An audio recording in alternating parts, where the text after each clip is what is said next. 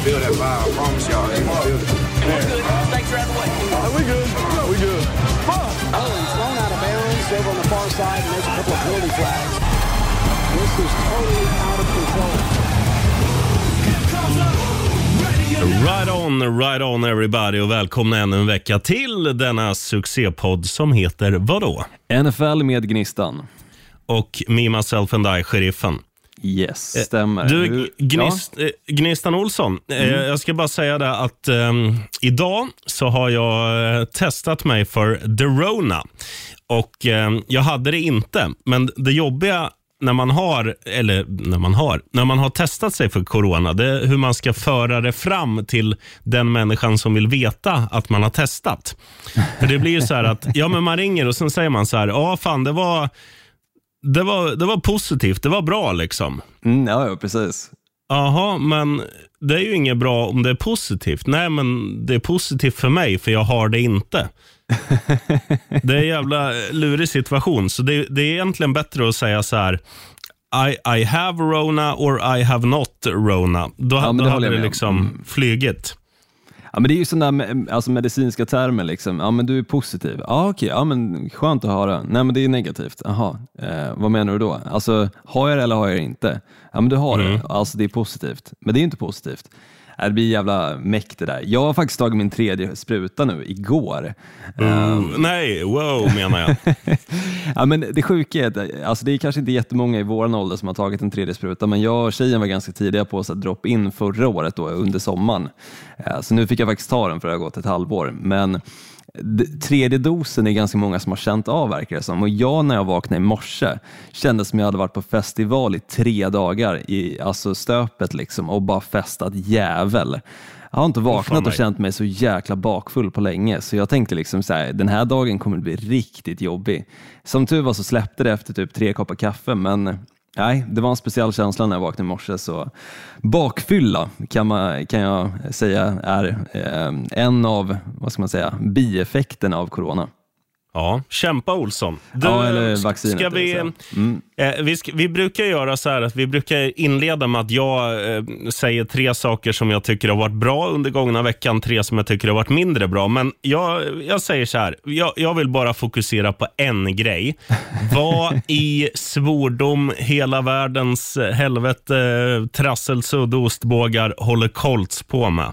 Ja, det är en jävla bra fråga. Alltså, de hade win and in. Alltså, allt de behövde göra för att säkra en slutspelsplats var att vinna. Och vad gör de? De sjabblar till det. Mot vilka då? Jo, Jacksonville Jaguars som endast hade vunnit två matcher under hela säsongen. Vad fan är det som händer alltså? Och det är så bedrövligt. Inte ens Jonathan Taylor har liksom en bra match. Det är ingen som har en bra match i det där Colts-laget. De blev överkörda helt enkelt. Ja, och, och du sa ju det, jag minns inte om det var i podden eller om det var till mig du sa efter när vi liksom red, eh, ja, mejlade varann, eh, våra ljudfiler. Då sa ju du det att eh, du vet att eh, Jacksonville har ju vunnit de, om det var de sex senaste hemmamatcherna mot Stämmer. Colts. Mm. Eh, och det var ju, ja, det, det ligger ju någonting i det där med statistiken. Det är helt sinnessjukt. Men någonting som jag vill bara lite snabbt gå in på i den där matchen, att, i, något som jag tycker som jag inte riktigt förstår med, med denna upplaga av Colts, det är så här att de matcherna som Jonathan Taylor har varit eh, eh fantastiskt bra, då har, de ju, då har de ju gett honom bollen och bara pumpat och, och det har lönat sig varenda gång.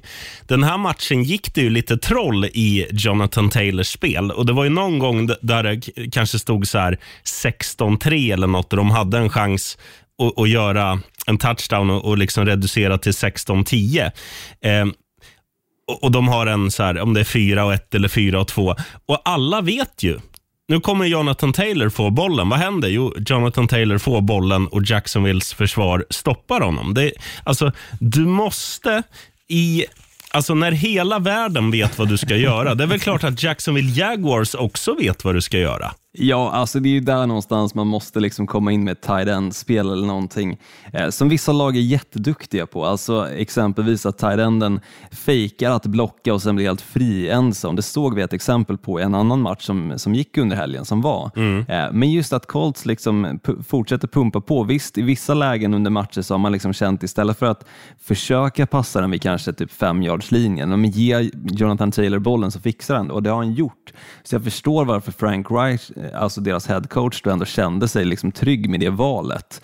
Ehm, men som sagt, alltså Jacksonville kom in i den här matchen verkligen för att spela och här handlar det liksom om, som du har pratat mycket om, jobben inför nästa säsong och de visar ju upp sin bästa sida. Alltså, Trevor Lawrence har ju liksom inte passat för knappt en touchdown i de senaste matcherna eh, som han har spelat och i den här matchen passar han för två stycken. Så det är liksom en av hans absolut bästa matcher under hela säsongen som i vissa andras ögon kanske kan ses som liksom så här, men det var väl en okej match från hans sida som quarterback, men för hans, alltså för, han, för hans del i år så, så var det en riktigt bra match och Ja, ja, det spelar ju verkligen Jacksonville Jaguars rakt igenom. Deras försvar var ju hungriga och eh, Josh Allen hade ju första säken sen han säkrade Josh Allen eh, i Ja. Buffalo Bills då och det var någonting som fick dem att väckas till liv i den här matchen och det var kul att se.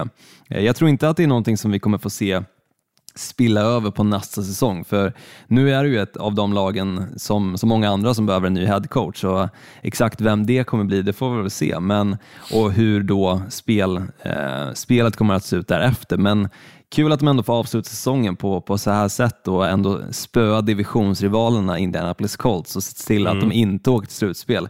Det är det jag älskar med sista veckan i NFL, att de här bedrövliga lagen kan verkligen chocka och eh, ställa till det för andra helt enkelt. Ja, och det var ju båda kattdjuren, eller båda, men eh, Lions också som, som chockade ditt Green Bay Mother Packers. De chockar väl inte sheriffen om, om man tar ut samtliga starters i både försvaret och anfallet i halvtid. Nja, men, men jag tyckte de gjorde det, de gjorde det frejdigt. Det var, det var roligt. Det var ju något eh, trickplay där det var liksom bollen gick hopp, hopp, hopp, hopp, hopp till 17 olika spelare och sen kastades den och, och det blev touchdown. Liksom. Och det, var, men nej, det det, var, det sånt- var häftigt att se Lions. Ja, men det, tycker jag, det tycker jag också. Jag tycker Lions, alltså, de har ju ändå visat under hela säsongen, till skillnad från Jacksonville Jaguars, då, att de är där för att spela matchen. De har spelat många tajta matcher, har varit extremt nära att vinna mot exempelvis Minnesota Vikings och inte för att glömma Baltimore Ravens också. Eh, Så jag är inte chockad att de kom in i den här matchen och spelar på samma sätt som de har gjort hela säsongen, även fast det var sista matchen som inte betydde någonting för varken dem eller Green Bay Packers. Men det är divisionsmöte och du kommer ändå in för att spela. Spelarna är liksom hungriga, de är vinnarskallar allihopa. Annars hade man inte varit i ligan. Och mm, det var kul att se. Det var kul att se deras trick play som du nämnde. Eh, och framförallt första halvlek tyckte jag de verkligen bjöd upp på en show. Eh, och sen såklart, det blir lite annorlunda när de får möta backups också eh, i, i Packers då under andra halvlek. Eh, och det var väl då de också kunde dra ifrån lite grann och känna någonstans en trygghet i att de skulle kunna vinna den här matchen. Du Olsson, vi ska gå in på slutspel och snacka matcherna. Och Sen vill jag att vi ska, eh, du ska få gå igenom detta smatteband, får man väl säga, av tränarbyten. Men först vill jag att du ska redovisa vilka, hur blir draftordningen? Vilka draftar först nu? Ja, men de som draftar först, och det är ju det som är så sjukt då, för att i och med att Jacksonville Jaguars ledde matchen mot Colts så hade ju Detroit Lions chansen på första picket i draften. Men i och med att Detroit Lions samtidigt fortsatte pumpa på mot Green Bay så sumpade ju i och med vinsten, alltså för Lions del då, första picket. Så de vann matchen men sumpade första picket eh, och Jacksonville Jaguars då vann sin match och första picket i kommande års draft. Så etta är Jaguars och två är alltså eh, Detroit Lions helt enkelt. De, de hade nog tagit det på förhand ändå, om- liksom inför säsongen. Okej grabbar, vi draftar tvåa kommande sommar. Tar vi det? Ja, det tar vi. Så att, eh, på så sätt bra, men, men som du säger, när man har chansen och liksom bara så här, Ja, Okej, Green Bay, varsågod. Här är salondörrarna. Spring in en TD så vi får drafta först. Så hade man gjort, men, men det uppskattar jag ju med, med den här upplagan av Detroit Lions också. De, de kör i alla lägen och, och det, det tror jag också är eh, Alltså, det är någonting som, som gör att coachen i Lions kommer ja, kommer sitta säkert i ett par år till. Att, att han liksom får spelarna att göra det eh, konstant. För, för det, har, det, det, ska han ju faktiskt ha. Att han har inte världens bästa trupp, men som du var inne på, det är många jämna matcher. De har lite otur i, i väldigt många matcher, så att de, de skulle kunna ha ett record på typ 6-11 hade väl varit inte helt eh, oävet med, med hur de har spelat. Men eh, ja, vad säger man? Alltså Detroit Lions eh, ska fan ha en fjäder i hatten för deras deras inställning den här säsongen. Ja, deras, deras resultat givetvis underkänt, men deras inställning klart godkänd. Ja, och jag tycker de har hittat helt rätt headcoach också i Dan Campbell. Det känns verkligen som att han, han kommer kunna vända den här organisationen och det känns som att om två år så tror jag faktiskt inte Detroit Lions kommer vara det sämsta laget i NFC North, utan jag tror vi kommer få se några andra där. Och Detroit Lions kanske kommer till och med kunna vara ett ja, topp 15-lag åtminstone. Jag tror att det kommer bli en hel omvändning i det där laget. Om mm. de hittar kanske en bättre quarterback än Jared Goff. Alltså, inget illa menat mot honom. Han hade en bra match nu mot Green Bay, men jag tror att de kan hitta bättre än honom och lite fler vapen också för att stärka upp den där truppen. Men alltså, Amon Ross St. Brown, vilken spelare han har blivit ja, den här, grym, i år. Eh, såklart. Och, och Swift är ju också fin. Jo, men det är han. Men, men såklart, alltså, St. Brown här, eh, rookie, trodde väl ingen egentligen skulle ha en, en stor säsong i, i ett lag som Detroit Lions, men han har ju verkligen liksom vuxit fram de senaste, vad kan det vara, sju matcherna och blivit ja. en storspelare. Fortsätter han på samma nivå nästa år, ja, men då kan man snacka om att den där sophomore-slumpen inte existerar för fem öre för hans del. Så det ska kan, bli kul att se. Kanske, kanske Olsson köper en Lions-tröja? Nej, men som tur är så spelar ju hans bror i Green Bay Packers, Equiminius St. Brown. Så jag kan köpa hans tröja istället, så det, så det är lugnt.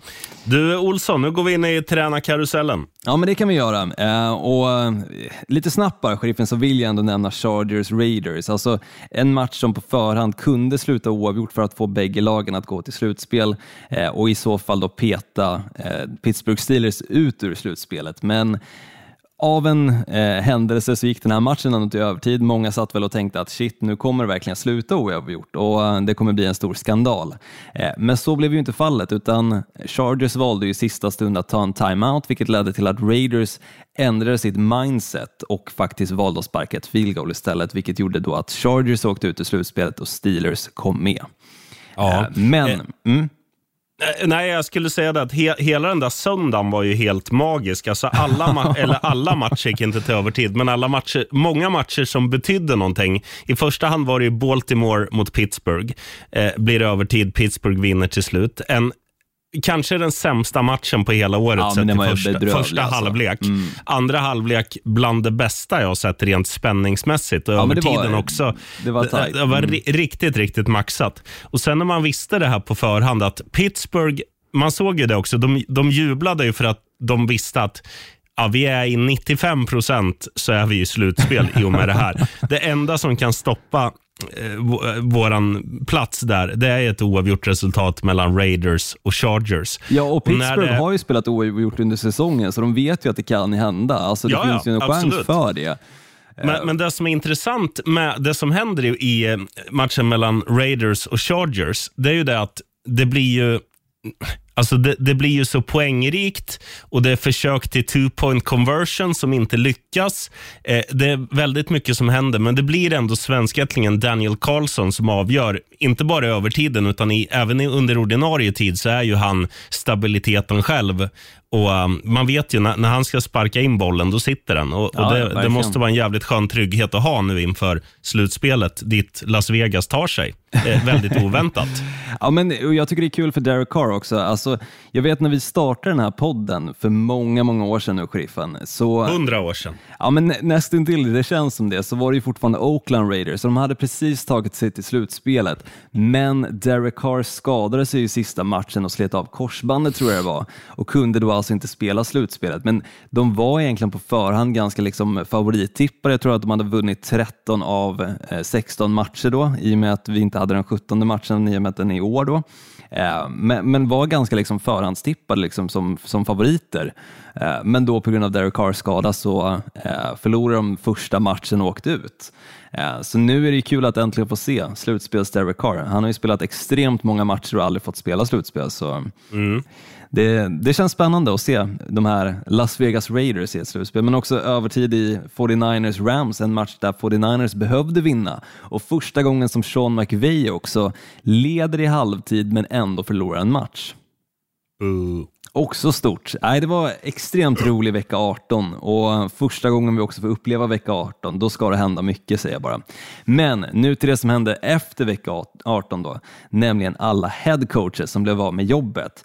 Eh, en av dem var Mike Zimmer, headcoachen i eh, Minnesota Vikings då som har, jag tror han har varit headcoach där i sex år nu, som nu alltså får leta nytt jobb helt enkelt. Och jag tycker väl med tanke på att hur den här säsongen har gått eh, och att de egentligen inte har lyckats med mer än vad de till exempel gjorde med Minnesota, eh, Minneapolis Miracle, tror jag den heter, eh, kallades då, eh, passen till Stefan Diggs som han fångade mot New Orleans Saints för några år sedan. Eh, så har de inte lyckats med speciellt mycket mer och eh, jag känner väl att det är rätt väg att gå med lite förändring. Definitivt. Samma division då, eh, NFC North, där hittar vi Chicago Bears som har gett sparken till Matt Nagy, deras headcoach. Då. Eh, så även de letar efter en ny HC och spännande att se vem som kommer anställas där. Jag känner väl att det behöver vara kanske någon med lite defensivt mindset för den här defensiven i Chicago Bears är så pass bra eh, och kan verkligen göra avtryck snabbt också. Så, så har man en defensivt lagd headcoach så, så kan det verkligen gynna dem. Eh, mm. För Matt Nagy när han klev in som headcoach i just Chicago Bears så var han väldigt offensivt lagd. Eh, men det känns som att offensiven nu på senaste har verkligen varit det som, som har skälpt eh, det här Chicago Bears-laget. Men, men kan man hitta en Bra headcoach för defensiven eh, och kanske en OC då, alltså offensiv koordinator som verkligen kan ta kontroll över Eh, off eh, offensiven då, så, så, tror jag det kan bli bra skillnad. Sen en liten chockändring, eh, eller vad man ska säga, en chocksparkning. Eh, eh, Miami Dolphins valde att sparka deras headcoach, Brian Flores, vilket jag inte riktigt förstår mig på, för att jag tycker Brian Flores har gjort det väldigt bra de senaste åren. Eh, det var tufft där i början när han klev in som headcoach för Miami Dolphins i och med att han var tvungen att vända på lite en förlorarkultur. Men förra året så var han extremt nära på att ta sitt lag till slutspel eh, och precis som i år så var han extremt nära också. Det, mm. eh, och då hade han ändå Tua som quarterback i år och förra året så var det Fitz eh, Fitzmagic då tillsammans med Tua. Eh, så han har liksom inte haft det, det lättaste jobbet just att kanske få, få bukt dels på Tuas kanske eh, osäkerhet efter hans skada i college, men också kanske eh, handskas med situationen av en rookie quarterback, men också eh, en veteran som, som tyvärr var ganska skadebenägen mot slutet, Ryan Fitzmagic. Då. Mm. Um, så, så jag tycker det var dåligt av Miami att sparka honom, men du som är ett stort fan av dem har väl kanske mer att säga om situationen? Jag, jag, säger så här att det behöver inte vara fel. Jag, blev också chockad och tyckte liksom initialt att vad fan håller ni på med? Men om man, när man har, låter det landa lite och liksom gått igenom vad Miami Dolphins har varit de här åren. Det är ju egentligen bara ett, ett bra defensivt lag. Och hur mycket har Brian Flores med det att göra? En del, absolut, men nu har de fått in den kulturen och de behåller ju förmodligen alla coacher som har det defensiva ansvaret, för det har ju funkat. Får du nu in en, en ny eh, headcoach som också kan liksom eh, trycka på rätt punkter när det kommer till offensiven. Så att, eh, så att det blir, för, nu känns det som Miami Dolphins är så här, ja, ska vi vinna så, så gäller det att vi inte släpper in mer än 20 poäng. Eh, det är typ de matcherna vi har vunnit. Det är inte de här blowoutsen som andra lag kan ju blanda och ge på ett annat sätt. Men tittar du på Dolphins segerrad det här året, då är, då är det oftast matcher där, där vår defensiv har varit, nu säger jag våran som att jag coachar laget. Nej, men det, det, är så vi vinner. Alltså, vi tar eh, sista ja, matchen nu mot New England. Ja, nu, nu var det ju den som, som är ja, vad säger man, undantaget som bekräftar regeln. Men annars, annars är det ju såna här kämparsegrar. Man vinner med 17-16 och sådär. Det, det är inte, vi, vi har inte den även om det, jag tycker att vi har ganska bra offensiv med nu Waddle som är jättebra, rookien som kom in i år. Eh, det var inte Parker som förra året fick ett lyft. Jag tycker Mike Gesicki har en, en hög nivå liksom i, i, i sitt grundspel och kan bara bli, bli bättre. Så att det finns ju offensiva pusselbitar och, och tittar du på våra running backs också så finns det ju hur många som helst som senaste, senaste åren. Alltså allt från Gaskin till Ahmed och nu Duke Johnson här på slutet. Så det är ju... ehm, det finns många spelare som har funkat bra, men kollektivet, det offensiva kollektivet har ändå inte, det känns inte som det har flugit, utan det har varit så här, ibland är det någon som är bra, men, men det känns liksom som att det är ganska krampaktigt och det tycker inte jag det, det ska behöva vara med den eh, stackade rostern som de ändå har offensivt. För jag, jag tycker att Miami Dolphins har ett bra offensivt lag.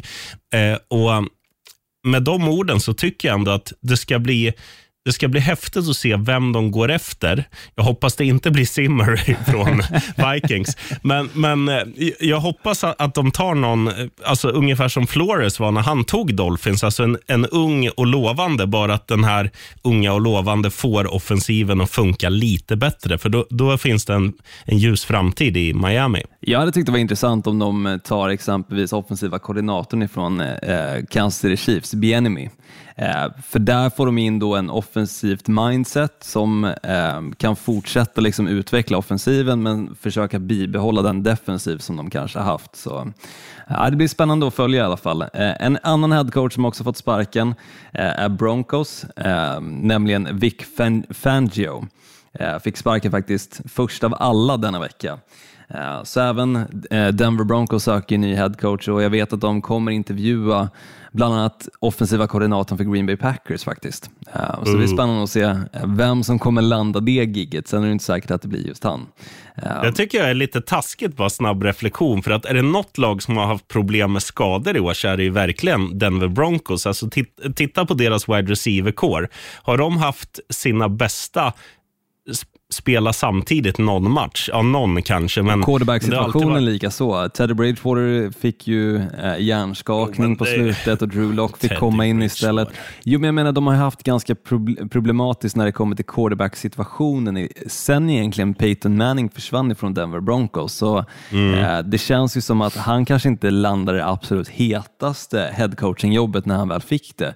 Eh, men nu så känns det kanske som att det här Denver Broncos-laget har verkligen någonting och kan de få några till pusselbitar på plats så kan de verkligen vara farliga i sin division och resten av ligan. Eh, så jag tror att det är ett attraktivt jobb, men jag förstår vad du säger och håller väl bitvis med dig också att lite olyckligt för hans del att han, han var headcoach under den här perioden när de kanske hade mycket skador eh, och problem då på quarterback-situationen. Mm. Men en som jag däremot tycker är helt rätt och det här borde de kanske ha gjort egentligen mitten på säsongen, men att eh, Giants väljer att sparka sin headcoach då Joe Judge. Ehm, han har ju gjort några märkliga playcalling-beslut eh, mitt under matcher. Exempelvis nu senast så valde han ju en quarterback sneak när det var tredje och nio tror jag från egen femjardslinje, eller tredje och sju. Eh, bland de mest puckade besluten eh, jag någonsin har sett i amerikansk fotbollsväg. Eh, och eh, med det, så jag tror inte det var liksom, ja det kanske var sista spiken i kistan, men det är ganska mycket som har lett fram till detta. Men lite samma sak där, det är ett alltså, New York Giants-lag som har haft lite problem med skador, exempelvis Saquon Barkley som inte riktigt hittat sin form igen, eh, Daniel Jones som har varit borta egentligen större delen av säsongen, eh, men trots det så känns det som att det här New York Giants-laget fortfarande, ehm, och har väl varit det kanske de senaste fem åren nu, ett rebuild-lag som inte hittar rätt när det kommer till just att återuppbygga sig själva. Um, ett gammalt Fick, eh, fick Atlantas coach också dojan? Atlantas coach har inte fått dojan, utan jag tror att han, om jag inte är helt ute och cyklar, jag minns inte om han an, anlitades förra året eller om det var inför den här säsongen, men, eller ja, det blir ju eh, samma sak i och för sig, men eh, ja, förra säsongen då, eller den här säsongen. Eh, jag tror att det var inför den här säsongen och jag tycker ändå att han han har ändå gjort det ganska bra. Jo, det var inför den här säsongen med tanke på att tidigare headcoachen då blev ju defensiv koordinator i eh, Dallas Cowboys. All right, all right. Men, men jag tycker att han ändå gjort det helt okej. Okay. Alltså, mitt i säsongen, dels först blir de av med Julio Jones i Free Agency eh, och, och sen därefter så, så väljer ju Calvin Ridley att bara sluta med amerikansk fotboll eh, för att fokusera på sin mentala hälsa, vilket är all heder till honom, men det sätter ju fortfarande liksom, det gör ju lite för, för en headcoach och deras, alltså, eh, upp, vad ska man säga, hur de planerar inför matcher. För att han var ju en så stor del liksom av kanske hur de tänkte och resonerade kring offensiven. Så, så det är klart att det blev svårt kanske att dels då fylla hålet för Julio Jones men också Calvin Ridley mitt i säsongen. Så. Ska du höra min, min tanke på att jag bollade in Atlanta här? Nu ska mm, du få höra en jättegärna. trade, Olsson. Mm. Jag, jag snackade tidigare om att eh, Matt Ryan borde se sig om efter något nytt. Ja. Så här är det. Vi skickar Matt Ryan till New York, alltså till Giants. Giants i motsatt väg skickar Daniel Jones som behöver en nytändning och Kenny Galladay som är en jävligt bra wide receiver i grunden men har inte fått det funka någonting i eh, ah, New York, New York. Mm. Så där har du då, han täcker upp Calvin Ridleys eh, plats att de får en till okej okay wide receiver i Atlanta. Daniel Jones får en nytändning och um, Alltså jag, jag, tror ju så här också, om, om vi tittar på Matt Ryan. Han, han borde ju inse snart att Ja, det, det, kommer inte bli... Jag skulle ha vunnit Super Bowl när vi mötte New England och ledde i halvtid, eh, stort som attan. eh, så att en, en ja, sista, liksom, en, en, sista dans, och då, det kan väl vara kul att testa att bo i New York. Liksom. Så där har du en trade som jag skulle vilja göra här och nu. Ja, men jag, jag håller med dig. Eventuellt slänga in Saquon Barkley där också för att just eh, springspelet i i Atlanta har inte alltid varit det bästa. Nu har de väl fått fram lite med Cordero Patterson, men det, det känns inte som att det riktigt är kanske det, det är inte hållbart i längden. Exakt, det kommer inte flyga i längden och, och där kan ju kanske Saquon Barkley få en nytändning i sin karriär istället. Så, eh, däremot om man pratar running back så, så verkar det som att Carolina Panthers eventuellt öppnar för att trada ingen mindre än Christian McCaffrey. Uh, ganska skadedrabbad nu på senaste, men fortfarande en av ligans absolut bästa running backs när han väl är hel. Men uh, Hubbard är ju för jävla bra. Han är ju bra, så, så visst, de har ju liksom en ersättare, men, men det är väl inte riktigt samma kaliber skulle jag säga som, som Christian McCaffrey. Så det blir spännande att se i Free Agency när det väl kickar igång där i mars månad vad som kommer hända, vilka som hamnar var och vilka trader som sker också. Jag ser väldigt mycket fram emot det, men det är inte det vi ska prata om nu. För vi Nej. har ju slutspelet först och det är mycket som händer fram tills vi är i mars. Bland annat en Super Bowl ska spelas. Eh, men denna helg så är det ju Super Wildcard Weekend som det så fint kallades förra året åtminstone när det då eh, blev ytterligare en match helt enkelt tack vare att eh, två lag inte längre hade bye week. Och två lag ytterligare också i, i slutspelet det vill säga. Så, vi börjar med den första matchen, sheriffen. Raiders som tar sig an Bengals på eh, Bengals hemmaplan såklart med tanke på att de är bättre sidade än Raiders. Mm. Så vi, vi gör så här Olsson, vi säger alltid hemmalaget först Raiders. så är det lättare. Jag läser ju alltid amerikanska nyheterna och amerikanska sajterna så det är väl därför.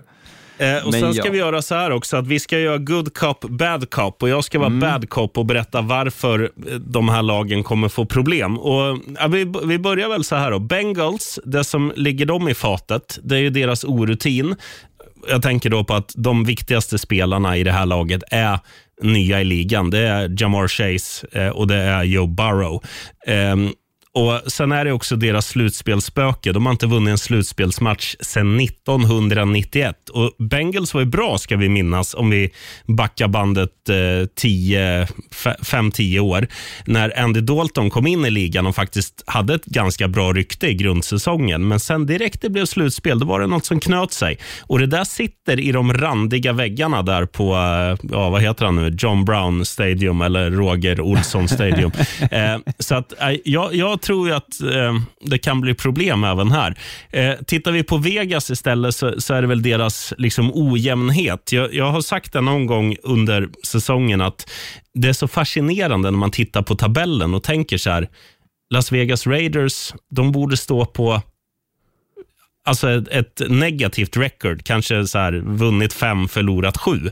Men de har ett de har liksom haft ett lite positivt record hela tiden och kniper i säsongens sista spark, eller grundseriens sista spark, den här slutspelsplatsen. Och alltså deras ojämnhet är ju fortfarande det som kan fälla dem. Eh, det finns mycket som kan fälla dem, men framförallt är det ojämnheten som jag är orolig för. Nej, men jag, jag är med på vad du säger. Jag, jag tycker dock att Alltså om det är några som har bevisat liksom att de, de, kan gå igenom motgångar under en och samma säsong så är det ju Raiders. Med tanke på dels deras headcoach då fick sparken John Gruden eh, men också jag tänker Henry Ruggs situationen, liksom hur det ändå ett, ett lag eh, ja, men som, som Raiders stärks lite när de går igenom motgångar. Och det har vi fått se den här säsongen. 10-7 landar de ju som, som på record samma som Bengals.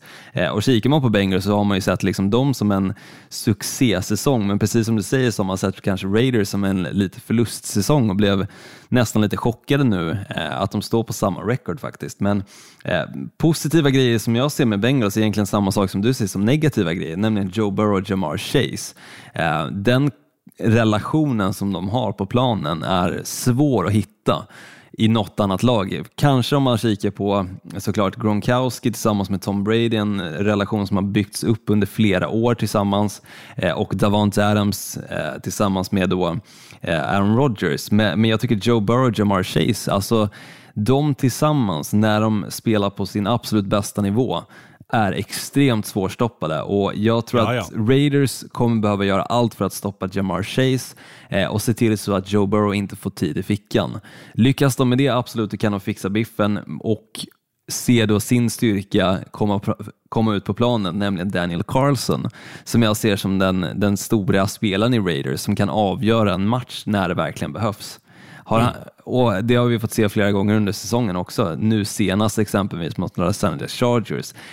Kommer han ut på planen så avgör han matchen och ser till att vinna den. Så Men- där har vi styrkan. Med en liten ljudeffekt nu Olsson så ska jag skicka ett personligt meddelande till eh, vår vän Joe Burrow. Ja, jättegärna, kör.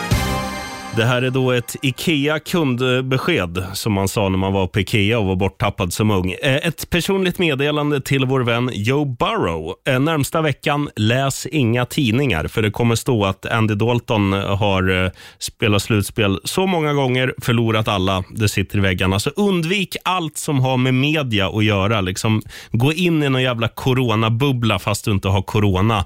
Eh, titta på Seinfeld. Eh, ja, gör ingenting. Läs inga tidningar, stäng av sociala medier, foka på den där matchen, skit i allt, då kommer det gå bra. Ja, men jag tror att det kommer gå bra oavsett faktiskt, för det känns som Joe Burrs mentalitet funkar i, i motgångar också. Eh, exempelvis så sa han tidigare, liksom, jag tror det var under preseason, att om inte vi lyckas ta oss i slutspel så, så har vi misslyckats. Eh, och Ja, nu, det är nu helt är de där. Jo, men jag menar, det är ju få som tog honom allvarligt, liksom. men de gick och vann divisionen på första gången på evigheter. Ehm, så eh, jag ser Be- Bengals som den absolut ehm, styrkan i, i den här matchupen. Mm. De kommer fixa biffen och minus fem och en halv står de i just nu också, Mm. eh, som handikapp det vill säga då. Ja, men vi tippar och är väl ense. Jag tror ju också Bengals vinner. Äh, nu, nu var det ju inte så att jag sa att Jamar Chase och Joe Burrow var dåliga, utan det var ju deras... Ja, men de att är ju aldrig unga. har, Mm. Ja, att de aldrig har varit i den här situationen förut. Men, men jag ser Bengals som eh, rättmätiga favoriter och, och det låter det som att du också gör. Absolut. Jo, men eh, sen spelar de hemma också. Det är Cincinnati, det är inte det varmaste klimatet. Raiders spelar inomhusmatcher. Eh, jag, jag tror att det här Cincinnati Bengals kommer att, eh, inte kanske köra över Raiders i poängmässigt, men jag tror att de kommer leda större delen av matchen åtminstone. Eh, och, och har en ganska komfortabel ledning i slutet också. Mm. Kikar vi på nästa match då som eh, spelas söndag, eh, natten, till, eller natten till söndag det vill säga. Eh, den första matchen spelas ju på lördag 10.30 och sen den andra matchen är nattematch då, natten till söndag.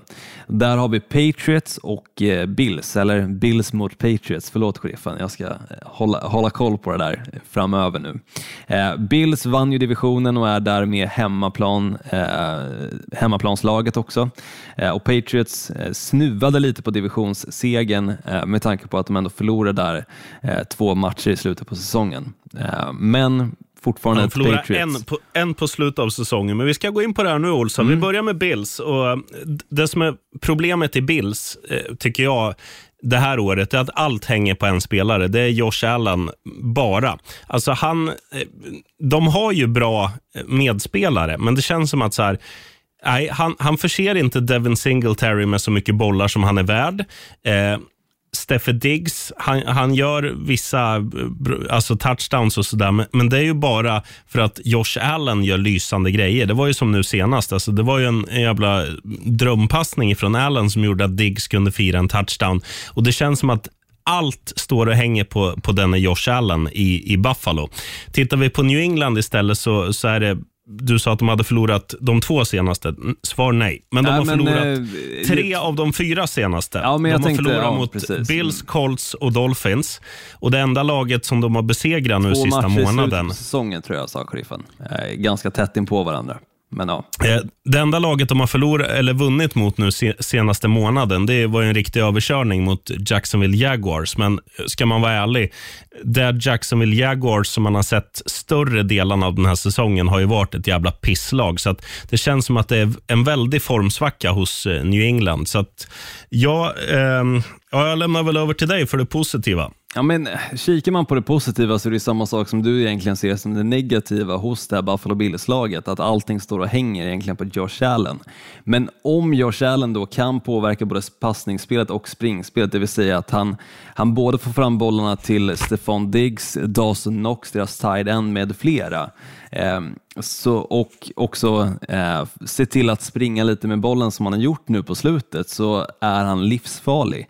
Men i matchen nu senast, jag skrev det till dig också när den var igång mot Jets då, att det känns nästan som att Bills håller på att implodera för just Josh Allen, hur han såg ut i första halvlek, var inte samma Josh Allen som i andra halvlek, vilket var skönt att se. Men där kändes det som att det var mycket irritation och frustration från hans sida. Och det vill vi inte se när vi kliver in nu i slutspelet, så därav det var skönt att han la det åt sidan inför andra halvlek och kom i form igen, kunde få igång passningsspelet och springspelet.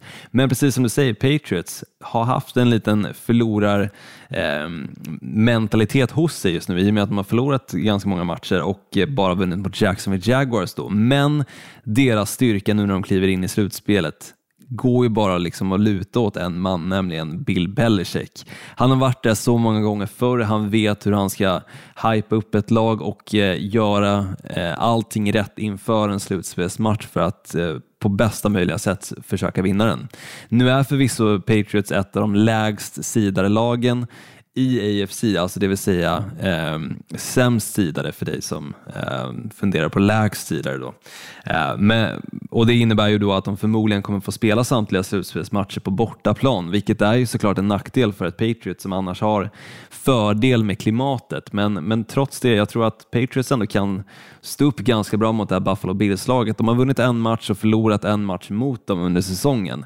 Samma sak gäller ju då Bills. Bills som står i just nu minus fyra i handikapp, alltså eh, fortfarande ganska stora favoriter får man väl se det som. Men jag tror att Bill Belichick-effekten kan ändå sitta i den här matchen och Buffalo Bills tyvärr kan förlora. Ja, och tittar man på hur det var senast när de här lagen möttes i Buffalo, då vann ju, eller var det kanske i New England och spelade? Skitsamma, det var ju en match där Ja, det New var ju England, snömatchen i Buffalo. Eh, där där New England knappt hade en något. passning på hela matchen, men ändå vann de. Så att, eh, det beror väl lite på vad det blir för väder här. Och, och, och En sån där grej tror jag är ganska skön att ha med sig in. Så att, okay, man kommer med spelarbussen, man ser att Gud börjar mjälla lite, alltså att det börjar snöa.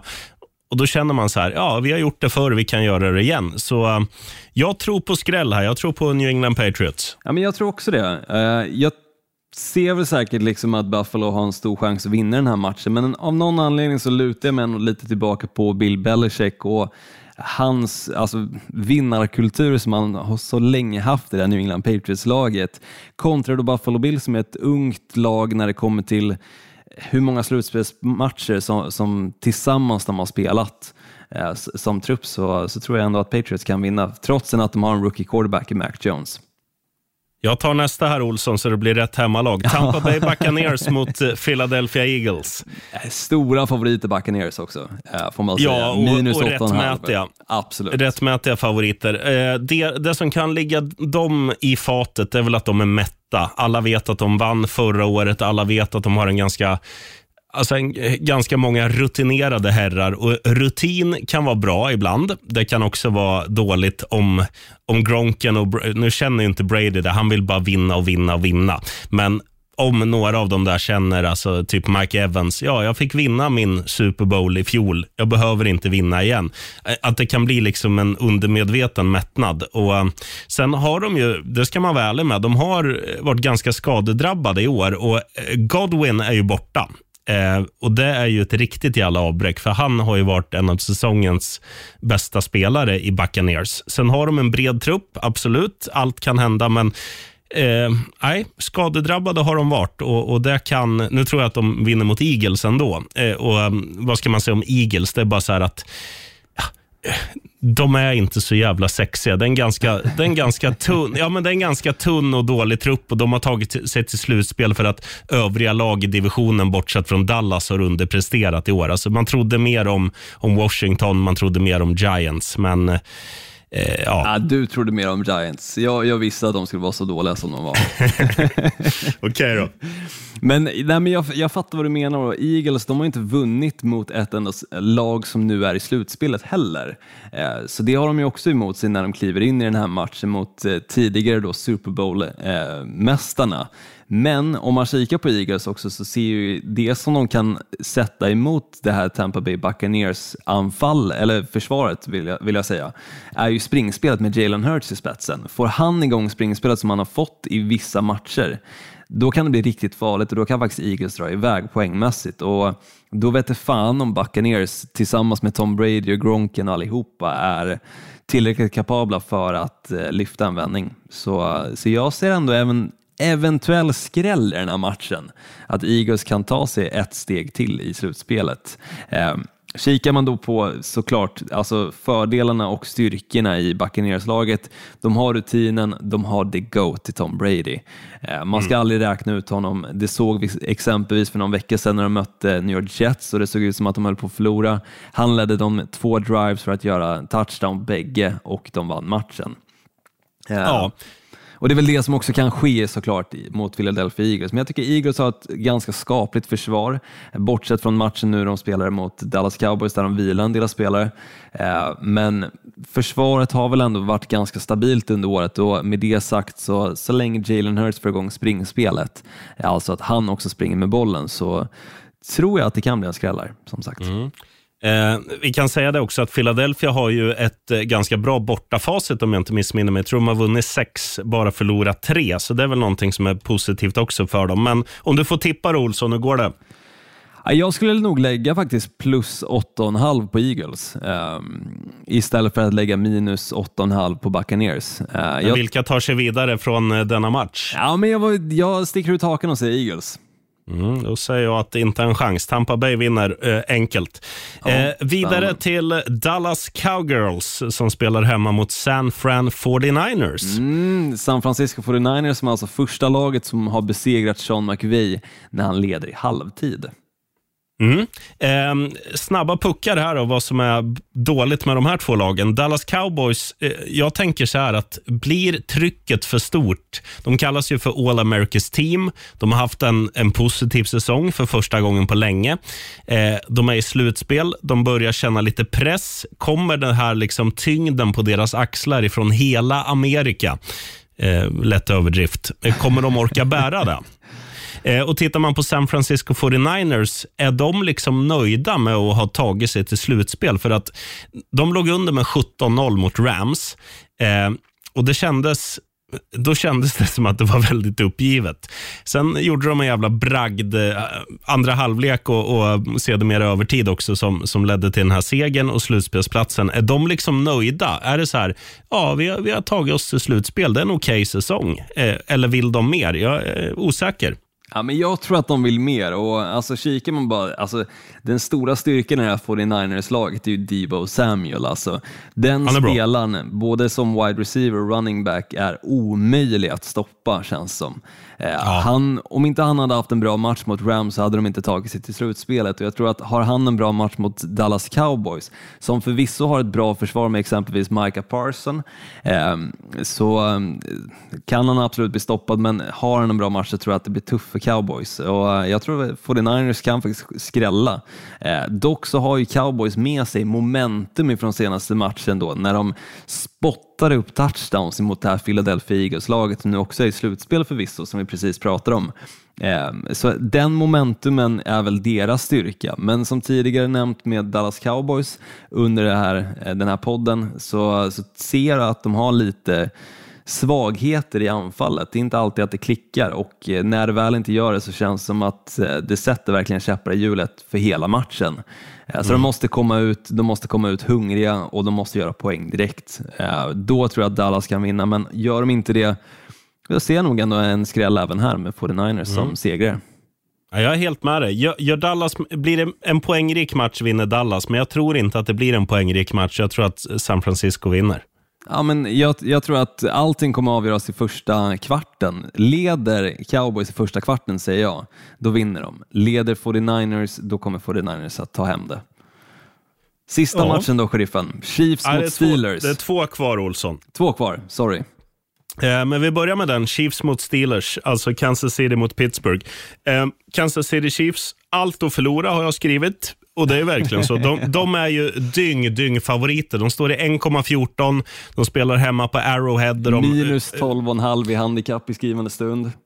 Ja, och sen är det ju så att de har ju de har ju liksom haft en stigande form under hela säsongen. Och, och liksom, eh, Jag vet att både du och jag snackade om att så här, ja, Patrick Mahomes, eh, ja, är, han, är han så bra som alla säger? Men han har ju visat det på slutet att han är ju så bra som, som hans rykte är. Och deras försvar har vaknat. Så att de, är ju, de ska ju vara dyngfavoriter i den här matchen. Ja, men med. Mm. Men Pittsburgh är ju, det är ju ganska häftigt för att till skillnad från Kansas City Chiefs då, som har allt att förlora så har ju Pittsburgh verkligen allt att vinna.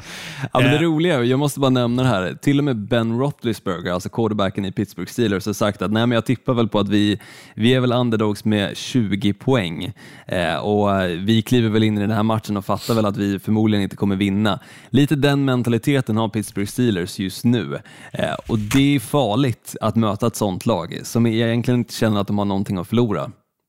Nej, så är det definitivt. Men, men det, det som gör att jag tycker lite synd om Pittsburgh, det är just alltså, ungefär som när jag rabblade upp massa spelare i Miami Dolphins eh, och deras offensiv som inte har funkat, så, så kan man ju säga detsamma om Pittsburgh. Alltså, de har ju ett ganska, ganska bra lag, men Harris är ju en fin eh, running back och eh, nu såg man ju Claypool när han fick jobba lite eh, senaste matchen så är ju han sylvass. Det finns ju några spelare som är riktigt jävla bra. Och sen han rookien som jag tappar namnet på nu som var bäst på plan eh, senast. Vad heter han Olsson? Tänker du på Deontay Johnson? Nej, det gör Nej, inte. wide, rec- wide receivern som... Eh, ja, strunt samma. De har ju några riktiga juveler i det där laget, men de har inte i år fått offensiven att funka. De snittar 20 gjorda poäng per match. Så tittar man istället på Kansas City eh, så ligger de liksom 8 poäng före i snitt. De snittar 28. Så att jag, eh, det är ju offensiv. um, Kansas Citys offensiv är för bra.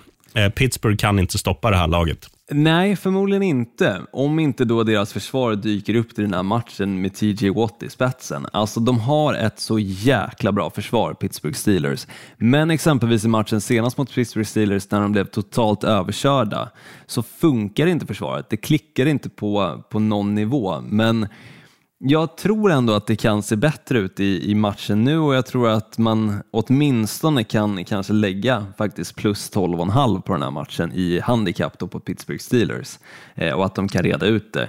Jag tror inte att Steelers vinner. Jag tror att Chiefs spelar för bra på hemmaplan eh, och för bra i slutspelet också med Patrick Mahomes i spetsen.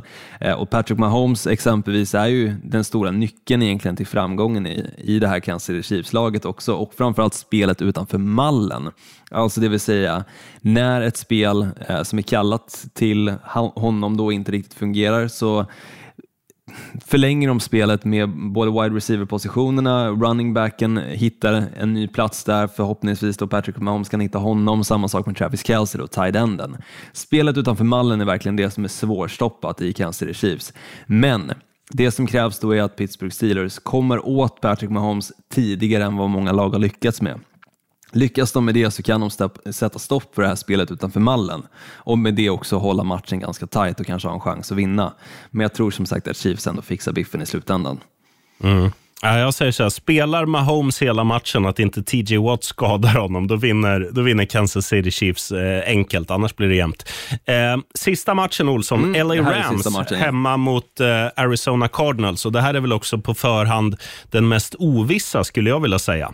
Mm, divisionsmöte också, vilket är kul alltid att få se. Två divisionsmöten i, i Super Wildcard Weekend. Då. Både Bills då som tar sig an Patriots, men också här då Rams mot Cardinals. Så jag håller med, den är oviss. Men jag skulle nog ändå säga att alltså, Cardinals har inte spelat bra utan det är Andrew Hopkins. Så enkelt är det. Och Rams, visst, de har haft lite upp och ner eh, med Matt Stafford, framförallt då när han har kastat en del interceptions nu på senaste. Men jag ser det här Rams-laget som det bättre laget. Mm. Jag tror att de kan vinna den här matchen. Och sen Cooper Cup, alltså den absolut största styrkan de har i år. Eh, han tog hem tre eh, titlar när det kom till eh, wide receiver-positionen. Dels receiving yards, receptions och rece eh, receiving touchdowns. Ja, och, nej, han har ju varit magisk, det ska han ju ha. Och fortsätter han på samma nivå och göra det han har gjort under säsongen mot Cardinals så, så tror jag faktiskt att det kommer bli svårstoppat. Jag tror att Rams ganska snabbt kan, kan springa ifrån. Old Beckham Jr har vi också fått se, eh, kanske nu inte senaste matchen, men, men innan det åtminstone, att han också kan leverera på en väldigt hög nivå fortfarande. Eh, så ja det, det, kan vara svårstoppat det här Rams-laget. Visst, förvisso kikar man Cardinals, så länge de tar sig ner till Redzone så kan man alltid ge bollen till James Conner för då gör de touchdown åtminstone. Um, och, och med det sagt, Matt Stafford kastar en del interceptions, så gör han det på 20-yardslinjen när de precis har fått bollen, ja, då kanske vi får se lite Cardinals poäng, men annars kan det bli tufft. Mm. Eh, det man kan säga också, Matt Stafford har ju fortfarande inte, trots att han är ganska gammal, jag tror han är född 88, eh, han har ju fortfarande inte vunnit en enda slutspelsmatch. Eh, han har ju spelat i Lions. jo, men han har ändå spelat tre, tre slutspelsmatcher och, och jag tror att en sån där grej kan sitta lite i bakhuvudet. Sen är det ju Arizona Cardinals, de är skadedrabbade, eller har framförallt varit skadedrabbade och, och det har ju präglat hela deras andra halva av den här säsongen för att de inledde ju som ett jävla godståg. Det gick liksom inte att stoppa. Men, men sen har det blivit lite pyspunka, som du sa med DeAndre Hopkins borta och, och även att Kyler Murray inte spelade på några veckor. Um, så att jag, jag, tycker att det här är väldigt, väldigt jämnt, men jag skulle ändå nu med, med hemmaplan säga lite fördel LA Rams. Och också att de visade nu senast, för att så här är det, mot San Francisco 49ers så visade de i första halvlek att de är riktigt jävla bra Rams. Men sen tror jag att de hade ändå det där i bakhuvudet att vi spelar slutspel oavsett hur det går i den här matchen. Man, man var lite här redan i matchen mot Cardinals mentalt. Så att jag tror att eh, jag tror att Rams vinner, men att det blir väldigt, väldigt tight. Kanske till och med övertid. Ja, det hade varit spännande att se i slutspelet. Alltså visst, Cardinals de förlorade ju sin match nu senast och det gjorde ju att Rams kunde känna lite, lite lugn också eh, i, i, sin match, det vill säga att förlorar de så spelar det inte riktigt roll med tanke på att de ändå hade vunnit divisionen. Um, och Det var ju lite det de gick för, hemmaplansfördelen, när det kom till det. Uh, ska vi nämna också lite för, alltså, styrkor och svagheter i de två lagen som inte nu kommer spela den här veckan? Vi pratar alltså Tennessee Titans och Green Bay Packers som båda har en vilovecka, uh, som alltså först kliver in i slutspelet nästa vecka. Uh, kikar man på styrkor med Titans skulle jag snabbt säga att Derek Henry kommer ju vara tillbaka och det om någonting är en jävla styrka, för jag tror han slutade på nionde plats när det kom till antal rushing yards fastän han varit skadad sedan vecka åtta. ja, det är sjukt.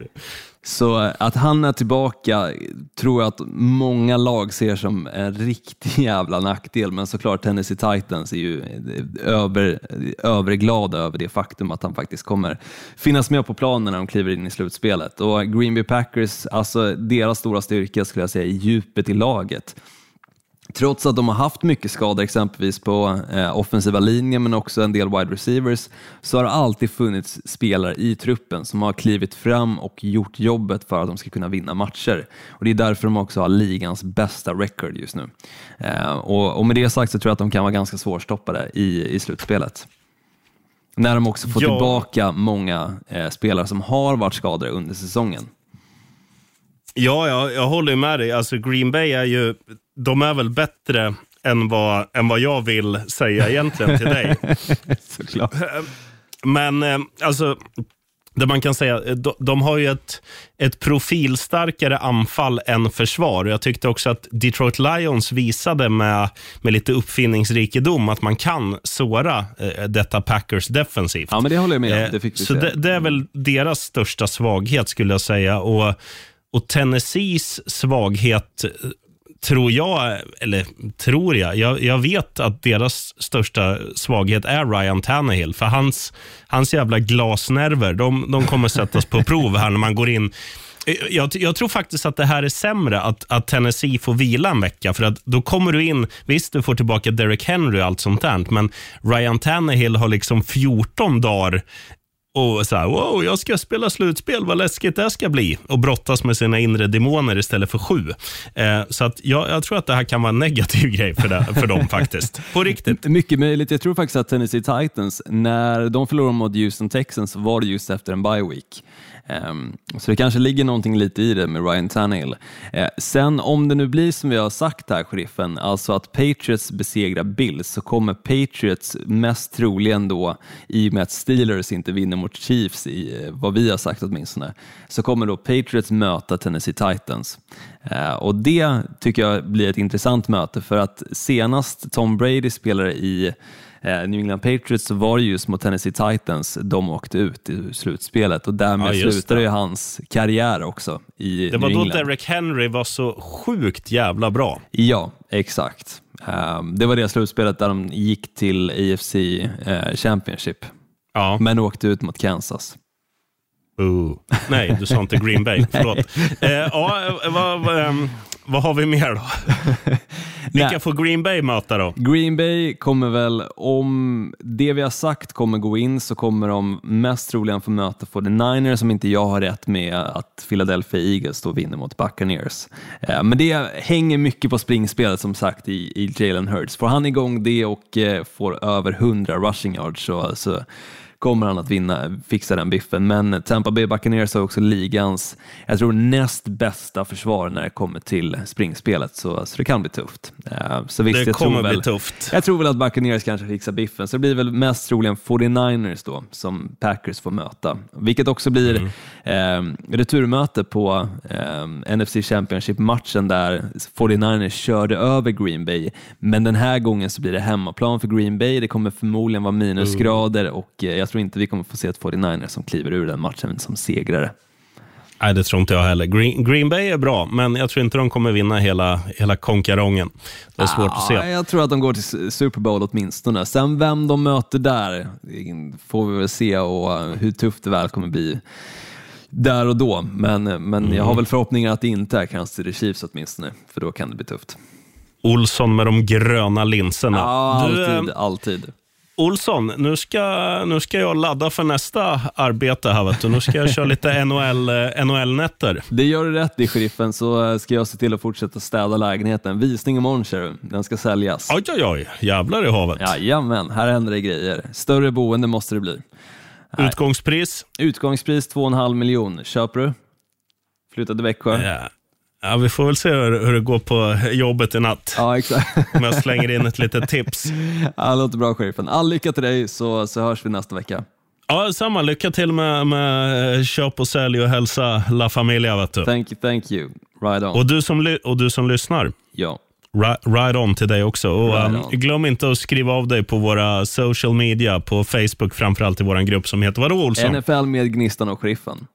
Där skriver du om du har något på ditt lilla hårdrockshjärta. Go. Dolphins! Go pack, go. Nu hör jag det jävligt dåligt Olsson, det måste vara en tunnel.